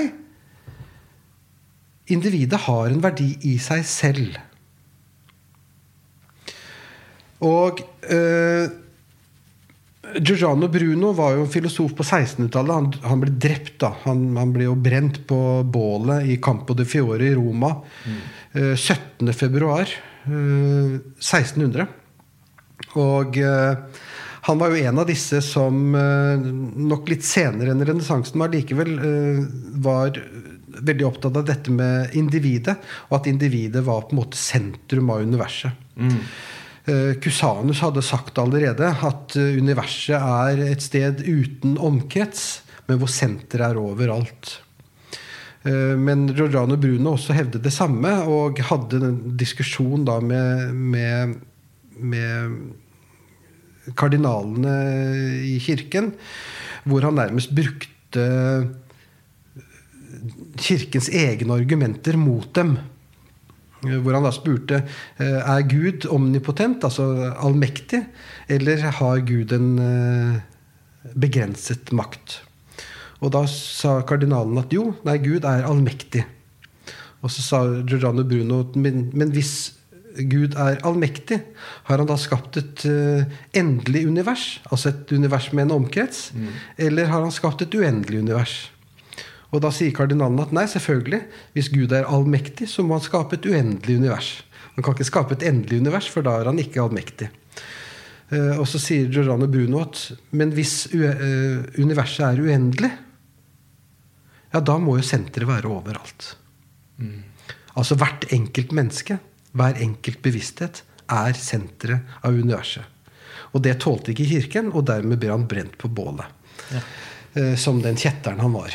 Eh, Som kunne hevde at eh, hvert enkelt menneske er universets senter. Men så der har du på en måte individet som, som nettopp universets senter. Så denne materialismen vi har vunnet gjennom å synke dypere og dypere inn i kroppen, dypere og dypere inn i materien, den har gitt oss vår kunnskap og erkjennelse av hvert individ. Så det har, det har vi fått. Men vi har mistet litt kontakten med det som gir oss mening. Altså som eh, gir individet mening. Nemlig sin plass i samfunnet. Sin plass i universet. Så det Noe som kanskje var det altså, br- brikken religion spilte Ja. i tidligere Ja, tid. Ikke sant? Ja. Det hadde en veldig stor og viktig betydning der. For det ga mening Mm. til, eh, til hvert enkelt menneske. ikke sant? At man skulle på en måte leve etter Guds bud. og Man hadde en rolle. Man hadde en Man- rolle, man hadde ikke sant? Plass. Ja. Men så har vi fått av dette Vi har fått jeget vårt. Mm. Og friheten har vi fått. Så nå har vi liksom nådd til et punkt hvor vi har vunnet jeget, men mistet ånden. Mm. Og så er spørsmålet hvordan kan vi gå videre fra nå? Mm. Da tenker jeg at nå må vi på en måte Nå har vi kommet til et punkt i historien, tenker jeg, hvor vi er nødt til å begynne å se mot den åndelige verden igjen. Men ikke forkaste individet. Men med jeget om bord Ja. på denne reisen. Så vi har altså fått dette, dette individuelle, og jeget har vi vunnet. Men vi skal ta med det jeget videre på vår åndelige utvikling og åndelige reise videre. Som samfunn og eh, menneskehet. Ja. At hvert enkelt menneske har sin verdi. Hvert enkelt menneske har sin plass. Og eh, jeget er uhyre viktig for eh, at man ikke skal falle inn i en fascistisk, fascistoid samfunnsform. Yes. Det tenker jeg er uh, utrolig viktig. Og kanskje dette jeget er det innen den indre solen som forvandler alt det blyaktige til gull. Mm. Altså dette midtpunktet som står Så det er ikke Midten jeget av er eh, mandalaen. Ikke sant? Midten av mandalaen, midten av eh, Labyrinten. så, av labyrinten. Helt korrekt. Det er jeget som går inn sant, i Mm. labyrinten. Slåss mot uh, denne okseskikkelsen der inne. Mm. Og, og finner uh, den røde tråden ut igjen uh, av labyrinten. Yes. Nei, da, så, så der har du på en måte senter og omkrets. Ja. Du har oppløsningskrefter, forherdningskrefter på den andre siden. Det er to viktige motsetninger, og som vi står overfor hele tiden. Ikke sant? Skal vi gå inn i bare en åndelig verden og bli svermeriske, som er- oppløsningskreftene? Eller skal vi synke enda dypere inn i materien og, og, og, og oppleve at vi blir mer og mer forherdet? Mer og mer fastgrodd? Mer og mer ubevegelige? Mm. eh, Statiske. Statiske. Mm. Uh? Nei, vi må ha, finne en balanse mellom oppløsningskrefter på den ene siden og forherdningskrefter på den andre siden. Ja. Og dette balansepunktet tenker jeg det er dette jeget som vi har vunnet. Mm. Hvert enkelt individs jeg Yes. som er uh, midtpunktet. Balansen er, uh, er nøkkel. Balansen er absolutt uh, nøkkelen. Det er the yin and the yang. ja. Det har vi på en måte prøvd å Ja, vi har forstått oss på det i lang tid, men så har vi kanskje glemt det litt. Mm. Handlet litt for mye på den ene, på den ene siden. Mm. Og da, når ting er i ubalanse, så Så blir det sykdom. blir det sykdom. Ja, på en eller annen måte. Ja, patologi. Mm. Det blir eh, sykdom på en eller annen måte. Og vi er ganske syke om dagen. Ja. Altså sånn rett sånn Ja, ja korona. Hvis man ser på statistikken om altså, overvekt og, og, ikke sant? livsstilssykdommer da, Ja. de siste 100 årene, på en måte, Ja, så er det et tegn. Mm. på at vi er i en ubalanse. Så ja. Det er uh, viktig å studere, studere det. Hva er Mm. det som er i ubalanse, og hvordan er det vi kan rette på det. ikke sant? Ja, og du jobber jo med ernæring, og jeg tenker at balanse det kan vi finne liksom på alle punkter, på alle nivåer Ja, av eksistensen. Mm. Både den fysiske, som maten er en del av, og så den eh, eteriske livskreftene og den åndelige. Altså, på alle plan Yes. så kan vi arbeide med balanse. Ja. Helt klart. Det er, eh, ja, det er det som er vært så fast Og grunnen til at jeg er så besatt av disse polaritetene, er jo ja, at man, man, de finnes De finnes overalt. Mm. Det er jo en egen skole, faktisk ernæringsskole, som jobber med base, eh, syre, balanse. Ja, det, Ikke sant? ikke sant? Så, nei, det er kjempeviktig. Ja. Pluss minus. Nei, men eh, jeg syns det her var en eh, fint, eh, en fin note å, å ende det på. jeg. Ja, Hvor lenge har vi holdt på nå, egentlig? Det, jeg tror det er snart to timer. Ja. Ja. ja Med en liten Før vi begynner på noe, en nytt kaninhull. Ja. Så, så, vi får, vi, Du får komme tilbake, så får får jeg finne ut hva jeg har lyst til å ja. ta opp med deg. da Det er jo ikke noe problem å, å ha Nei, vi, noe har å snakke innom, om, i hvert fall. vi har vært innom mange temaer, men jeg tenker at i disse temaene så ligger det også veldig mye Mer til videre arbeid. utforske. Ja, Ja. Mer man kan utforske. Blant annet psykisk helse, som Ja. jo er noe som jeg er veldig opptatt av. Ja. Ikke sant? Men Men jeg har jo implisitt sagt det hele veien i det vi har snakket om. ja, ikke sant. Nemlig dette balansepunktet, jeget. Ja. Eh, Det å på en måte ha en sterk forankring i sitt eget jeg. Der ligger det også mye psykisk helse Ikke sant. i det. Uten tvil. Ja. Snakker jeg veldig av egen erfaring, på en måte. At jeg Mm. Ja. føler jeg har vært på en sånn reise kanskje de siste fem årene eller noe. Mm.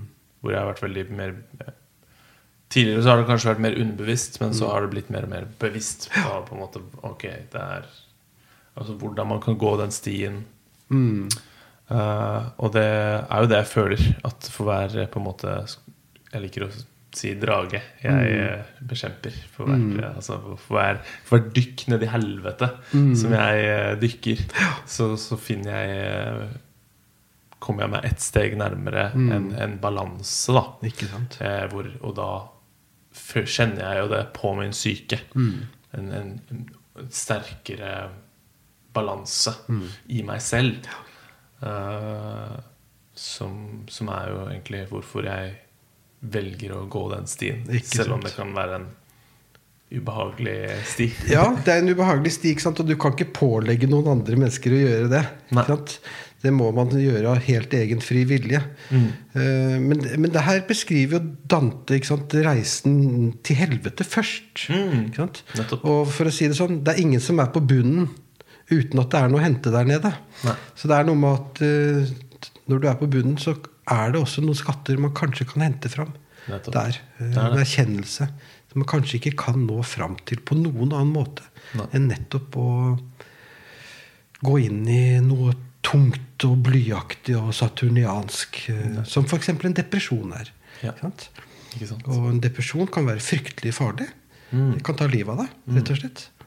Eh, Men det er også muligheter til å komme ut på andre siden, som Dante gjorde. Inn i purgatoriet og så himmelen. Men det krever et arbeid. da. Yes. Krever et arbeid. Og hjelp.